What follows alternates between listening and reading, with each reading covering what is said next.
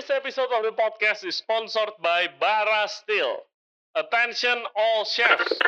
Do you have your own proper chef knife? Good quality chef knife itu sangat penting. Pisau tajam bisa mempercepat pekerjaan kita di dapur and improve our cutting skill. Jadi nggak mungkin motongnya tambah jago, tambah cepet. Kalau motong aja selalu pakai pisau yang tumpul.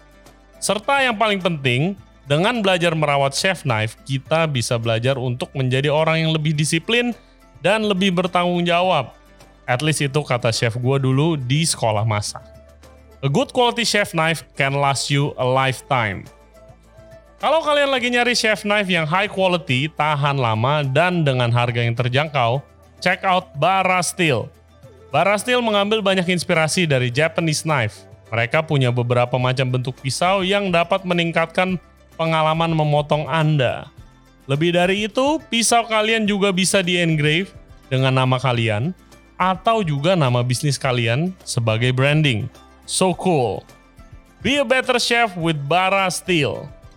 Buat yang tertarik, langsung saja visit Instagram mereka di bara.steel. Spellingnya B A R R A dot S T E L. Dan khusus untuk pendengar Ray Jensen Radio Podcast, ada promo spesial. Gunakan promo code RJ Radio untuk mendapatkan diskon 10%. Kodenya RJ Radio, RJ R-A-D-I-O, untuk mendapatkan special diskon 10%. Barastil, investasi dalam menghargai sebuah profesi. Hello everybody, welcome back to Ray Radio Podcast. Thank you very much for tuning in to our show today. Hari ini kita akan ngobrol dengan Chef Ragil Imam Wibowo. Dia itu dikenal sebagai chef yang kerjaannya ngiter-ngiter Indonesia dari Sabang sampai Merauke untuk research forgotten dish atau forgotten ingredients yang Indonesia punya. Daerah mana pun dia sudah research di sana dan ceritanya banyak banget. Makanya episode ini kita pecah jadi dua episode. Di episode pertama dia akan ngobrolin dan cerita soal awal-awal dia mulai research makanan Indonesia. Dari makanan rumahnya awalnya sampai dia sudah ke Papua untuk research tentang sagu. Hopefully this episode bisa membuat kalian untuk lebih semangat belajar makanan Indonesia lagi karena Indonesia itu sangat-sangat kaya dan juga of course menghibur kalian semua. Yang belum subscribe di YouTube channel kita Ray Jensen Radio, please do subscribe and click the bell icon and like the video if you like it karena itu bakal membantu channel kita grow lebih lagi. Follow kita juga di Spotify, Apple Podcast, Google Podcast, dan Anchor app. For further updates, please check out our Instagram at Ray Jensen Radio. Okay, without further ado, please welcome Chef Ragil. Enjoy the show.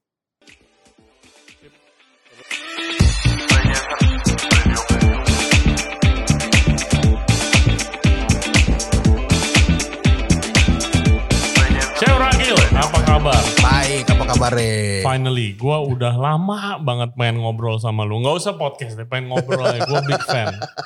gue juga udah lama pengen ke podcast lo. Waduh. Welcome to the show. Thank you. Uh, Chef, thank you buat waktunya. Nah guys, Chef Ragil ini kan ahlinya makanan Indonesia. Belum, masih belajar juga Salah gue. satu lah. Iya emang gak pernah berhenti belajar. Mm-mm. Itu standar jawaban tamu podcast gue lah. Lu master ini bukan master. ini. Lu udah berapa lama sih research tentang makanan Indonesia?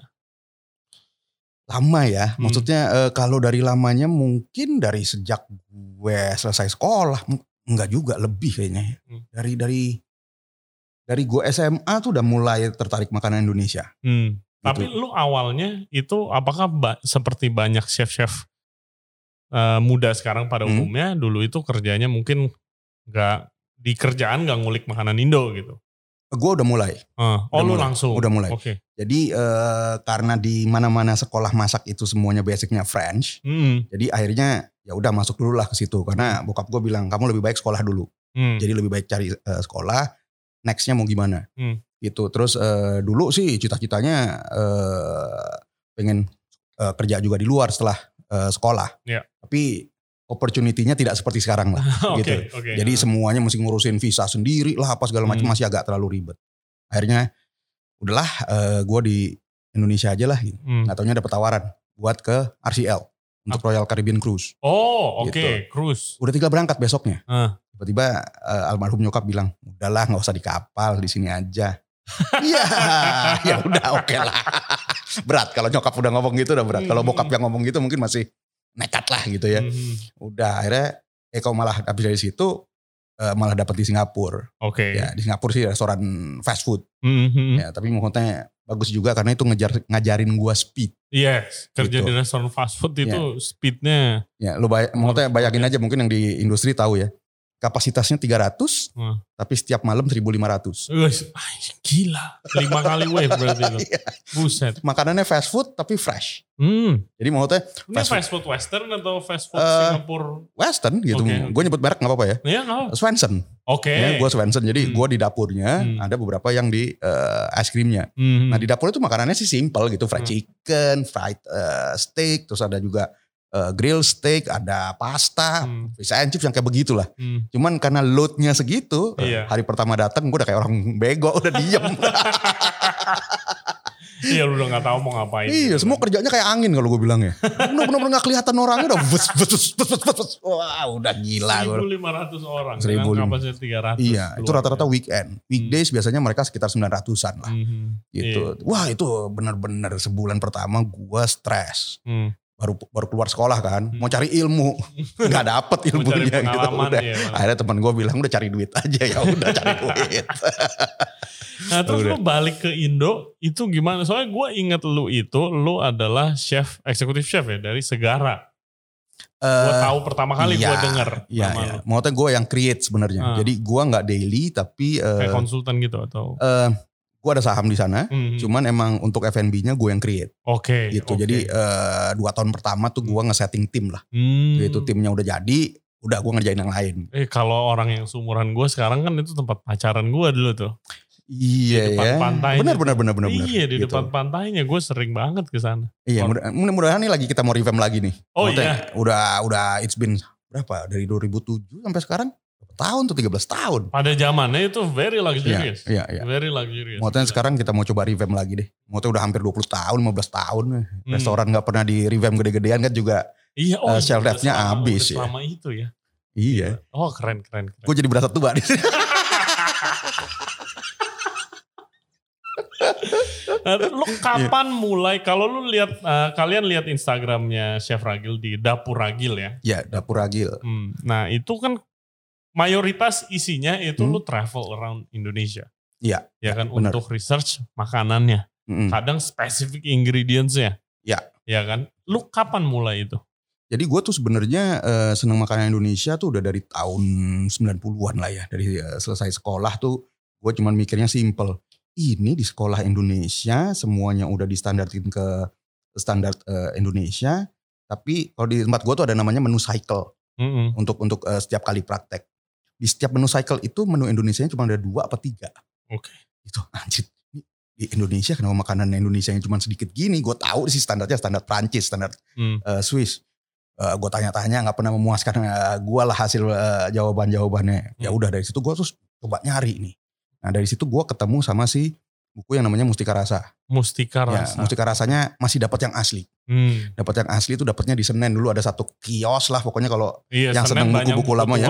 Iya. itu harganya aja udah sejuta di saat itu. Gila. Yang asli Iya. itu ya. Asli bagus soalnya. Gua sering denger itu buku. Itu Hmm. emang apa sih kayak kayak itu buku leg- legendaris banget gitu. Betul. Lo udah punya belum? Belum. You have to. Iya. Mau sekarang di Tokopedia ada kok. Harganya sekitar cuma 300 ribuan. Oke. Karena udah udah di republish. Iya, iya, iya. itu itu eh, sebenarnya primbon. Primbon Hmm. dalam arti adalah lo bisa tahu track makanan Indonesia yang terdata. Hmm. Karena banyak sekali makanan Indonesia itu yang tidak terdata secara resepi. Yes. Gitu. Jadi waktu tahun 60-an itu sekitar tahun 65-an Presiden Soekarno mau dibikin eh, satu buku tentang makanan Indonesia. Wow. Itu semuanya tuh di ini yang ngerjain Departemen Pertanian nih. Ini Hmm. bener banget ya yang ngerjain Departemen Pertanian udah gitu eh, ibu-ibu PKK-nya disuruh eh, pergi ke mana-mana untuk eh, dapetin data ini. Wow. Jadi ini sebagai database bahwa masakan ini aslinya dari sini, aslinya dari sini gitu ya. Hmm. Dan itu nggak nggak banyak yang eh, ke record. Iya. Itu yang sedih sebenarnya. Hmm, hmm. Nah,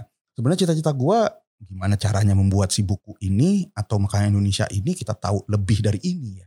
Iya. Gitu. Maksudnya itu sebenarnya ide simpelnya. Dan eh, lucu juga sebenarnya bukunya kalau lu lihat detail ya. Tiba-tiba ada taco. Taco. Taco. Oh, Yang dari Indonesia Timur. Karena Indonesia Timur mungkin pengaruh dari eh apa namanya eh, Marco Polo atau iya, Columbus. iya. Dia dari abis Meksiko Hmm. ke sini bukan cuma bawa cabai doang, bawa taco juga kali. Iya. Tiba-tiba iya. ada itu di di Wow. si Mustika Rasa. Jadi wah menarik juga ya ada Hmm. ada pengaruhnya itu. Dan eh, resepnya masih cenderung otentik Hmm. kalau buat gua bilangnya ya. Tapi memang dia masih pakai pakem lama banget. Jadi masih pakai ruas jari, masih pakai ibu jari. Oke. eh, ya masih sejumput, Hmm. masih yang begitu. Hmm. Akhirnya gua riset ke situ. Hmm. Riset ke situ dalam arti Oke, ruas jari ini ruas jari siapa ya? Iya. Ruas jari gua sama ruas jarinya Re juga udah beda nih gitu. Beda, yoi. Gitu. Akhirnya gua ngeliat rata-rata ibu di Indonesia. Hmm. Jadi rata-rata tuh sekitar kalau exactnya tuh sekitar 0,8 eh, mili lah. Jadi sebelum satu senti, satu Orang ruas jari. gila, Sampai research satu Iya, ruas jari. Karena lu harus tahu overall. satu potongan Iya. itu berapa gram. Iya. Kan harus bikin resepnya begitu tuh gitu ya. Eh, betul betul. Gitu. Kalau kalau mau di apalagi kayak restoran lu Nusa, ya Mm-mm. itu kan harus per gram kan. Kalau lu Iya. perluas-ruas Iya. mah mabok. Iya Iya. gitu. Dan ini sebenarnya gue belajarnya baru setelah ke sini-sini. Setelah Hmm. gue menemukan El Bulli. Iya. Gitu. Oh, LV. Maksudnya gue juga seneng El Bulli karena semuanya itu terstandardized dengan baik dan benar. Mm-mm. Maksudnya menurut gue, oh this is the future of food. Hmm. Actually kayak begitu. Hmm. Eh, tidak melihat molekuler gastronominya ya, tapi mau melihat prosesnya dia dari awal gimana sampai Hmm. dia bisa jadi seperti eh, terakhir sampai dia tutup gitu. Iya. Gitu. Kalau misalnya lo tanya, lo emang seneng El Bulli? Gue seneng sebelum tahun 2000. Oke. Setelah tahun 2000 ke sini, gue nggak terlalu suka. Kenapa? It seems like they are trying too hard Oh, Gitu. oke. gitu. Oke. Walaupun tekniknya bagus ya, Hmm. tekniknya bagus apa segala macam, tapi eh, ya mesti tahu background di belakangnya si eh, Ferran Iya. Adrianya kan, Wah. bahwa dia nggak mau eh, disamain sama chef lain, Hmm. bahwa dia harus menjadi seseorang yang menemukan suatu makanan baru. Iya. Gitu. Itu yang ada selalu di otaknya. Iya. Gitu. Gue beli bukunya Hmm. waktu itu gue nggak ngerti gue. Jangan jangan beli bukunya, bingung loh. Iya. Lo harus nonton yang di eh, Amazon. Prime. Oke. Jadi dia situ ada dokumentasinya Hmm. semua. Itu dia eh, nerangin dengan jelas tuh. Hmm. Nah, kalau bukunya mesti baca semua dari satu sampai yang Iya. berapa ya? 12 ya? Iya kan bukunya banyak ada serinya kan. Iya. gitu. Oh gitu. Lu lu mulai terus seperti yang gue alamin juga mau Hmm. research makanan Indonesia tuh ya tadi resepnya nggak pasti, Mm-mm. terus database-nya kurang banyak. Gitu. Iya. Jadi kebanyakan kalau lu nanya chef yang udah pengalaman, ya lu Hmm. harus ngiter ya kayak yang lu lakukan selama Iya. ini. Ingat gak lu pertama research apa dan ke mana? Gua research pertama itu adalah makan-makanan Indonesia gue di rumah. Hmm. Jadi dari nyokap gue, gue cuma kepikiran, ntar kalau nyokap gue nggak ada, siapa yang mau nerusin ya? Hmm. Itu gue nanya eh, berapa berapa gram dan seberapa banyak aja, nyokap gue juga nggak bisa nerjemahin. Segini gitu Heeh. kan ya. Akhirnya gue bawa timbangan gram, Hmm. mau yang digital, Hmm. mama masak deh, siapin ntar Ragil yang eh, ngegramin. Akhirnya sampai begitu. Hmm. Nyokap gue masak, eh, let's say opor gitu ya. Hmm. Ya udah gue timbangin ininya berapa, terus eh, bawang merahnya berapa, bawang putihnya berapa, kemirinya berapa, itu semua gue catetin. Hmm. supaya gue punya database paling nggak makanan gue yang biasa gue makan dari kecil sampai Iya. gede sekarang. Betul Gitu. betul. Nah itu penting tuh guys. Ayo yang kalau nyokapnya masak atau kakek neneknya masak, Iya, timbangin biar lanjut res- legasinya kan. Bener, Coba karena- legasinya lanjut. ada yang men-trigger ketika gue lagi research makanan Bandung, Hmm. Eh gue ketemu dengan banyak eh, orang, mereka bilang wah makanan ini enak nih, eh wah pokoknya enak banget lah, pokoknya kangenin banget apa segala macam. Emang biasanya yang masak siapa mbak? Hmm. "Eh, nenek kita, neneknya masih ada nggak? Udah nggak ada. Dari keluarga nggak ada yang seneng masak sama sekali. Nggak ada itu sayangnya. Jadi resepnya sekarang hilang. Iya gitu. Ya. Jadi kan sedih Ah, banget iya, gitu ya. Dari iya. situ akhirnya gue ke-trigger. Wah ini mesti ada yang mendokumented the resepi yang Hmm. udah hampir hilang nih. Karena Hmm. bayangin kalau satu negara, eh, satu eh, keluarga punya resep-resep yang unik. Hmm. Ada berapa banyak coba. Iya, Itu Betul. mustika rasa nggak ada nggak ada sedikit-sedikitnya. Pasti Hmm. akan jadi bagus banget. Hmm. Hmm. Dan lu sampai ngiter ke mana aja sih? Kayak Ya gue lihat lu di Papua. Apa yang lu lakukan? Apa yang lu research di Papua? Waktu di Papua gue uh, lebih research untuk uh, sagu Mm-mm. gitu. Jadi ada satu perusahaan, uh, dia memang perusahaannya adalah perusahaan sagu. Mm-mm. Dan uh, kira-kira sagunya ini bisa buat dibikin apa aja Oke. gitu. Uh, syarat gue cuma satu, uh, sagu ini kan makanannya orang Papua. Mm. Gue perlu tahu uh, bahwa orang Papua ini dengan sagu ini mereka ngapain. Mm. Dari situ baru gue bisa create. Mm. Gue bilang gitu supaya larinya nggak jauh. Maksudnya Iya. kalau gue mau bikin makanan yang uh, pasta sagu kayak atau Iya. apa segala macam Iya. is uh, more easy. Tapi maksudnya yang ada hubungannya dengan Indonesia apa gitu. Betul. Akhirnya gue ke sana. Wah itu itu paling seru sih kalau dibilang paling seru paling seru bener-bener soalnya uh, darat, laut, udara, uh, sungai, uh, wah pokoknya semua Menjelajah loh. menjelajah mah gila. Udah naik pesawat, naik pesawat kecil, naik helikopter, naik wah udah bener-bener deh Lu ke mana? ke daerah dari sebenarnya kotanya dari Sorong, Mm. tapi dari Sorong sampai ke kotanya ini sampai ke pabriknya si sagunya Mm. itu mungkin sekitar 25 menit naik helikopter Oke. Gitu. Jadi ngelewatin kebun Hmm. sagunya, kebun sawit apa segala macam lah. Yang lebih serunya lagi lagi mau ke sana hujan, Bu. Ah, Lu udah pernah naik helikopter ada hujan? belum. Nah, itu itu paling sedih deh, paling paling ngeri. Udah gemeter. Untungnya yang bawa ininya jago. Jadi bener-bener kejar-kejaran sama hujan. Aduh. Wah, Oh, Gila, wow. tapi udah cloudy-nya, cloudy-nya udah hampir berapa ya? 70% kali. Hmm. Di sana udah awan cumulus kan udah ngeri juga. Lu makan ulat sagu dong kalau begitu. Nyobain. iya, enak, enak. Gimana sih rasanya? Gue penasaran. eh, ulet sagu jatuhnya lebih kayak, ntar lu ya, apa yang paling cocok ya. Kayak kalau gue bayangin lihat orang makan apa ada manisnya sedikit gitu. Eh, lebih plain, Oh plain. nih. Plain?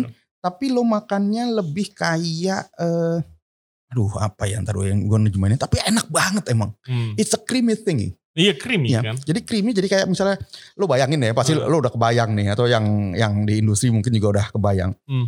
Cream, cream cheese Iya. ya, tapi rada plain gitu ya. Lo masukin ke casing eh, eh, sosis yang kolagen Iya. ya. Iya. ah. Eh, lagi kayak anget-anget tapi diamin agak dingin, Ah. lo makan. Muncrat ya maksudnya. Ceret gitu. Iya di, di mulut ya. Iya, di mulut, gitu. ah. Ya, tapi enak gitu. Iya.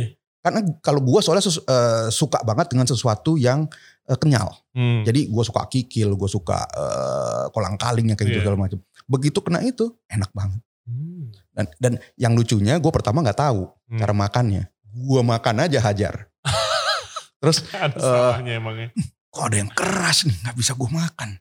Terus tahunya ada yang ngingetin, "Eh, chef itu kepalanya mesti dicopot dulu. Hmm ini kepalanya nih gue bilang. tapi tapi seru, tapi enak. Hmm. Maksudnya gue juga di sana juga belajar banyak makanan eh, Papua. Gue belajar sama chef eh, Cato. Kalau Hmm. lo pernah tahu. Jadi dia Belum. eh, dibilangnya jungle chef. Mm-mm. Jadi dia itu eh, masak masakan eh, Papua. Hmm. Jadi dari semua desa-desa Papua apa segala macam dia research untuk dapetin eh, data-data itu. Hmm. Mungkin kalau ada waktunya dia di Jakarta mesti dipanggil. Yes. Karena dia itu yang merubah cara orang bule yang datang ke Papua. Hmm. Ini gue ceritanya agak panjang nih. Iya. Jadi dia itu sering lihat orang bule kalau ke hutan di Papua bawa makanan kaleng. Mm-mm. Jadi Mm-mm. buat dia ngapain makanan kaleng orang di hutan semua juga ada gitu. Dia tadinya cuma guide-nya mereka tuh. Ah. Akhirnya dia nanya, boleh nggak gue tawarin sesuatu hal? Lo nggak usah bawa makanan karena gue tahu lo berat banget. Hmm. Eh, tapi gue masakin. Setiap kali lo mau pergi gue yang masakin. Hmm. Oh boleh boleh boleh boleh. Masakinnya apa? Ya tapi masakan hutan ya katanya. Hmm. Iya deh nggak apa-apa segala macam. Dia masakin. Jadi buat berapa? 20 orang apa 10 orang yang lagi eh, ekspedisi gitu. Hmm. Oke berhenti di desa ini ya. Dia ngambil orang desa situ buat bantuin masak. Iya. Jadi dia ngasih ekonomi ke semua desa ini segala Iya, macam. iya, Dan iya. itu cukup lama dia hampir 5-7 tahun dia melakukan itu. Dan Oke. semua orangnya akhirnya seneng puas karena dapat makanan fresh. Iya, lu dapet experience juga kan? Iya tiba-tiba saya pergi dulu ya bentar. Fet pulang bawa babi. Iya. Ya, kayak gitu. Memang orangnya canggih sih. Tapi emang Wow. asli Papua itu yang hebatnya. Hmm, Tapi- namanya siapa? Cato, Charles Toto. Oh, Chef Toto. Gua, eh, gua eh. pernah lihat di YouTube gitu. Oke, Eh, oke. eh, eh, dia ada keren, keren. Maksudnya eh, sebagai orang lokal dia berpikiran maju. Hmm, hmm, Itu itu wah keren banget. Gue banyak belajar makanan Papua dari dia lah. hmm, hmm. Gitu. Udah akhirnya di sana belajar makanan Papua dan makanan Papua ini menarik. Oke. Karena nggak semua desa mengerti penggunaan garam. Hmm, Karena garamnya mereka beda-beda dapatnya. ada apanya emang Ada garam. yang ya ada yang ngambil dari air laut buat jadi eh, garamnya. Ada yang ngambil dari eh, pohon sagu. Pohon Hmm. sagu itu kan eh, biasanya ada di mangrove juga Iya. bagian. Nah bagian bawah ini adalah filternya Hmm. supaya si sagunya bisa hidup. Ah, jadi itu Kalau mereka potong atas laut, ya. di air payau ini, ininya asin. oke. Gitu, ininya asin terus kemudian dibakar. Hmm. Makanya di Papua suka ada garam eh, yang hitam. Mm-mm. Jadi itu sebenarnya dibakar. Wow. Gitu. Itu ada yang kayak begitu. Itu rasanya menarik, nggak terlalu asin, tapi ya karena ada ba- bakaran-bakaran itu jadi gitu. rasanya smoky bagus banget. Wow. Gitu. Gila. Itu keren banget. Ada juga yang caranya dimasukin ke bambu.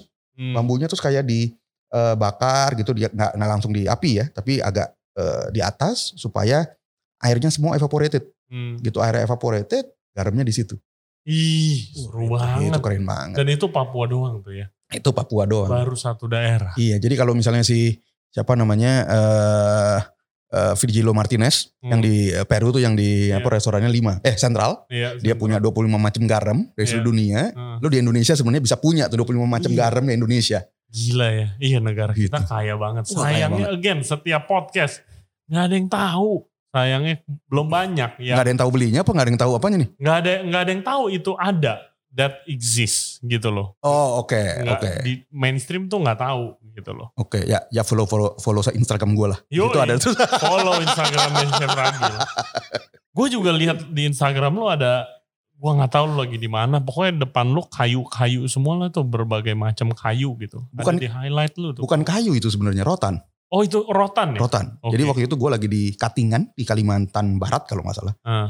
Eh gue datang ke satu daerah eh, disponsorin sama eh, WWF sama Kahati Hmm. untuk lihat mereka punya apa sih kira-kira Hmm. mereka bisa diajarin apa untuk eh, mereka supaya lebih eh, ibu-ibunya ini ber berdaya lah Hmm. gitu karena gue emang lebih banyak eh, berkecimpungnya di pemberdayaan perempuan Iya. gitu untuk ibu-ibu ini bisa apa Eh, akhirnya gue bilang udah paling gampang makanan Hmm. gitu makanan mereka punya apa coba kita eh, olah mereka itu punyanya ladangnya adalah ladang bekas gambut Hmm. jadi mereka nggak punya tanaman-tanaman yang lain. Ya udah yang punya apa deh gue bilang. "Eh, tunjukin aja ke gua kalau bisa udah siapin di rumah-rumahnya supaya gue tahu adanya apa. Begitu nyampe sana gue bengong reh. Hah. Gue nggak ada yang tahu apa pun itu. Wah bener-bener. Tuh katingan ini di Kalimantan. Kalimantan, Kalimantan Oke. Barat kalau nggak salah. Oke. Gitu. Jadi dia masih ada hubungannya juga sama eh, suku Dayak ya. Hmm. Gitu maksudnya masih ada turunannya ke sana. Eh, akhirnya gue ngajarin ada satu eh, pendeta yang memang udah eh, dia eh, kayak Missionary lah, lama di situ kali. Iya, dan dia juga udah ngerti. Dia seneng makanan, jadi dia Hmm. udah ngerti kayak begitu. Akhirnya ngasih tahu bahwa di sini emang makanannya itu banyak rotan Hmm. gitu. Wah itu macam-macam rasanya. Gue pikir kan rotan rasanya begitu aja ya. Rotan pahit. Nah Gue iya, pernah nyoba pahit. kalau yang di. Medan, ya rotan di Medan pahit Hmm. gitu. Kalau di sini ada yang manis Oh. gitu. Jadi mesti lo kupas lagi dalamnya. Hmm. Jadi tergantung lo mau seberapa banyak ngupasnya. Hmm. Gitu. Dan ada juga yang rasanya kayak asparagus Oke. gitu. Nama, namanya lucu, namanya tabantal. Tabanta. Jadi Hmm. bener- bener-bener kayak asparagus, cuma memang rada pahit. Hmm. gitu maksudnya gue cuma kepikiran "Ih, ini kalau misalnya di pickle enak banget gue bawa sebagian pulang ke Nusa gue pickle Nah, lu gimana cara kayak gue nih Hmm. orang yang waktu eh, pengen juga gitu punya restoran Hmm. Indonesia yang memakai barang-barang unknown. Itu gue Hmm. rasa chef-chef di Indonesia banyak banget yang pengen pengen punya restoran yang konsepnya seperti Nusa gitu Mm-mm, kan. mm.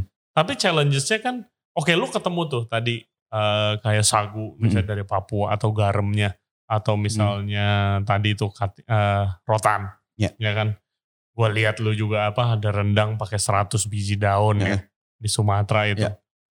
Lu gimana caranya lu bawa ke restoran lu? Gimana lu aplikasikannya? Kayak oke bawa barangnya nggak nggak rusak kah sampai restoran Oke. gitu? Eh, kalau eh, waktu dulu lebih hardcore Hmm. mungkin sekitar 10 tahun 15 tahun yang lalu waktu gue Hmm. awal-awal mulai pop up itu agak hardcore Hmm. hardcore tuh dalam arti gue sebelum bikin pop up gue harus research dulu ke daerahnya Hmm. nah pulang dari daerahnya itu gue bawa barang-barangnya Hmm. jadi bener-bener hand carry Iya, iya. Karena dulu Wah, belum- gila. belum ada Tokopedia bu Ya, belum ada e-commerce belum ada yang lain-lain apa segala macam Hmm. eh, apa namanya eh, logistik juga belum belum secanggih sekarang. Hmm.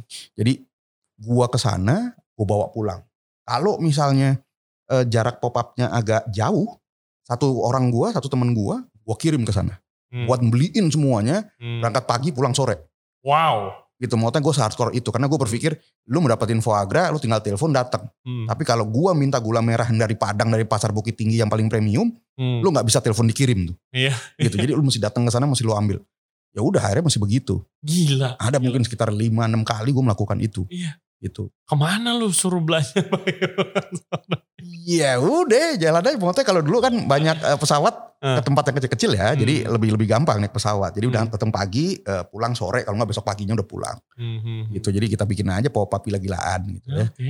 udah terus eh, ya alhamdulillah sih gua akhirnya ketemu sama teman-teman juga yang bermain begitu Hmm. gitu jadi akhirnya kebuka eh, apa namanya linknya lah masing-masing Hmm. tapi eh, pada akhirnya ya gua banyak ber eh, minta tolong dengan orang-orang yang asli di sana Hmm. gitu jadi minta tolong kirimin dong ke sini terus eh, bahan-bahannya di sana tolong kirimin dong gitu Hmm. kayak misalnya kayak yang rendang 100 daun Iya. gue minta dibikinin di sana Hmm. baru di sini gue aplikasiin gue tambahin apa sesuatu Iya. gitu karena kalau nggak begitu rasanya nggak otentik Rasanya gimana sih rendang 100 daun? Wah, Apakah rasanya kayak rendang?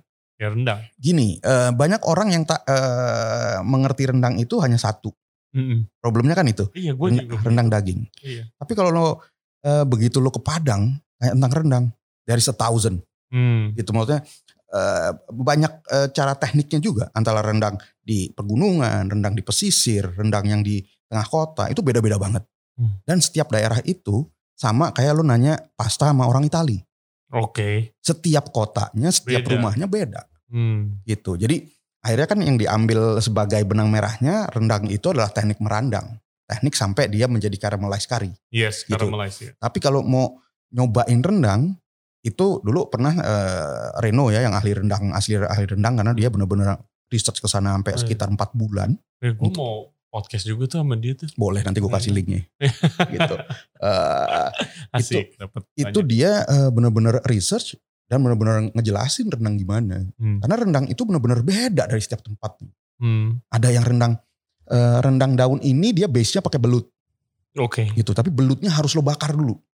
Jadi ada rasa smoky-nya masuk ke dalam tuh. Hmm. gitu. Jadi bukan smoky yang kadang-kala kalau orang bikin rendang selalu bilang smokinya dari kayu bakarnya waktu masak. Hmm. Sorry to say, kalau buat gue, kalau lo masaknya di luar, is a bullshit things. Oke. Karena nggak mungkin masuk. Iya, Ya. keluar. Tapi kalau lo masaknya di dapur rumah lo, Hmm.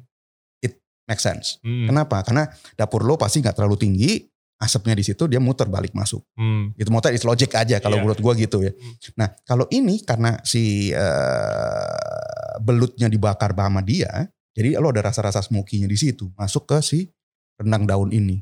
Hmm. gitu dan yang seru adalah waktu gua ke sana gue ikut foraging sama mereka Iya.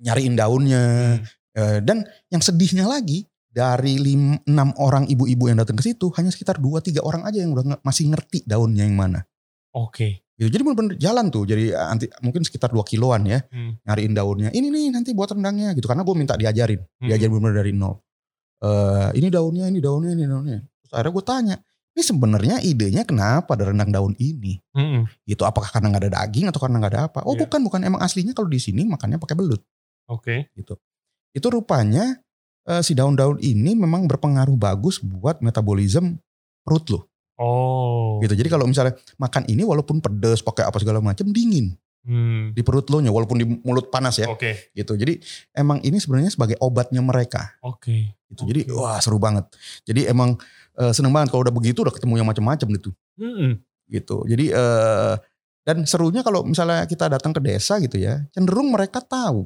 Ketika kalau misalnya kita ngomong di pasar, di kota-kota gedenya, mereka tidak tahu sejarahnya Iya kan? gitu. Jadi memang eh ya kalau lo seneng research gitu emang mesti hardcore datang ke ke sana gitu. Nah, oke. Eh, talk through us step by step ya deh. Kayak Hmm. misalnya contoh you pick one one uh, place satu Mm-mm. daerah, Mm. gimana lu mulai ke sana? Oke, biasanya gue come up dengan satu ide. Hmm. Kita mau bikin masakan Indonesia apa yang kira-kira orang nggak banyak tahu ya? Hmm. Atau orang udah banyak tahu tapi sebenarnya masih banyak makanan yang nggak diketahui nih. Iya. Let's say orang paling banyak tahu Padang lah, balik lagi ke Padang. Hmm. Tapi kan orang taunya restoran Padang begitu-begitu aja. Hmm. Eh ya udah deh, kita coba cari siapa yang paling tahu daerah eh, Padang sama Minang. Reno. Hmm. Oke. No, kita jalan-jalan yuk ke sana yuk. Kita eh coba eh, keliling sana bisa dapat apa gitu.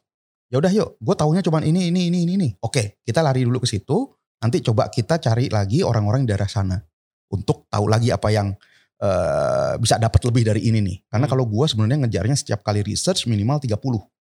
30 sesuatu yang baru Oke. gitu supaya bisa ngejar nih ya gitu Hmm. masalah dapatnya cuman 20, 15 ya is another Ya thing lah. target lah. Ya. Udah ke sana ketemu satu orang tuh biasanya tuh sehari gue ngobrol tuh ngobrol "Eh, ibu eh, makanannya apa yang khasnya oh ini ada makanan lagi nggak bu yang lain oh ada ini ibu nggak bisa nggak masaknya ini "Eh, nggak bisa. Yang bisa ibu ini. Bisa nggak kenalin bu ke sana? Udah datengin. Oke. jadi bener-bener bergulir. Hmm, hmm. gitu. Misalnya kayak eh, gue belajar eh, bikin satu gule yang namanya eh, gule biji galundi. Apa tuh? jadi biji galundi ini sebenarnya eh, satu biji eh, di daerah sulit air kalau nggak salah di sana namanya. Dibikin Sulit air. sulit air. Nama daerahnya sana sulit air Oke. gitu. Karena dulunya sulit air katanya jadi eh, dia roast jadi dia bakar pakai gerabah Hmm. terus eh, kayu bakar nggak pakai minyak nggak pakai apa ditaruh situ aja sampai jadi arang Hmm. jadi sampai eh, apa hitam apa segala macam set dihancurin terus disaring pakai kalau mereka sekarang saringnya pakai bekas jilbab Hmm. karena halus banget Oke. jadi kalau mesnya tuh mes 100 lah Iya, iya, gitu. mes. ya jadi halus banget jadi nggak ada butiran pasir Hmm, hmm. dimasukin ke gule wah rasanya jadi keren rasanya jadi enak banget jadi layering rasanya macam-macam Re. Wow. jadi ada rasa gule yang pedes Hmm. manis dari santannya Hmm. kemudian ada rasa si ayam kampungnya yang Hmm. manis ya karena ayam kampungnya benar dia ngambil dari kandang potong jebret masukin Kampung beneran. Nggak. udah gitu eh, kalau misalnya masih berani masukin darahnya tuh tapi karena Hmm. mereka banyak yang muslim nggak nggak Hmm. terlalu suka ya udah eh, abis itu dikasih si biji galundinya ini ke dalam jadi Hmm. warnanya hitam Oke. gitu jadi eh, enak banget dan lu makan juga efeknya dinginin perut juga Wow. jadi ada fungsinya Iya, karena kan makanan Padang yang kari-kari gitu, santan, bumbu Hmm. itu kan bikin perut lu panas kan. iya cuman karena orang sekarang itu tidak mempairing dengan minuman yang seharusnya Hmm. Kalau misalnya makan makanan Padang zaman dulu, lo pasti di, di pasti disuruh sama si eh, eh, restoran Padangnya pairing dengan jus ganas kalau nggak jus timun. Itu Oh. selalu tuh. Oh gitu. Heeh. Karena satu kalau menurut gua salah satu yang eh, daerah yang punya pairing minuman Hmm. Padang. Hmm. Karena mereka mengatur itu Iya, iya, iya. gitu. Karena mereka tahu banget. Nah sekarang minumannya nggak pernah di Ekspor ya, nggak pernah di pairing. jadi lu akhirnya ya kolesterol tinggi kalau nggak eh, jantung lo kenapa gitu karena begitu gitu Oh, karena orang oke. Padang itu tidak mengerti jamu Hmm. yang mengerti jamu orang Jawa. Iya. Ya orang Padang itu semua jamunya masuknya di makanan. Hmm. Jadi kan makanannya kan berempah-rempah apa segala macam. Iya, And iya. that's their jamu. So interesting. Iya, jadi Gila. wah, keren banget di situ. Nah, eh, gue akhirnya cuma berpikir, gila orang-orang sekarang pada ngetrennya makanan hitam. Orang ini udah ada dari ratusan tahun yang lalu. Mereka pada pusing pakai bambu, mesti pakai seribu derajat apa segala macam. Ini Hmm. enggak, gue bilang.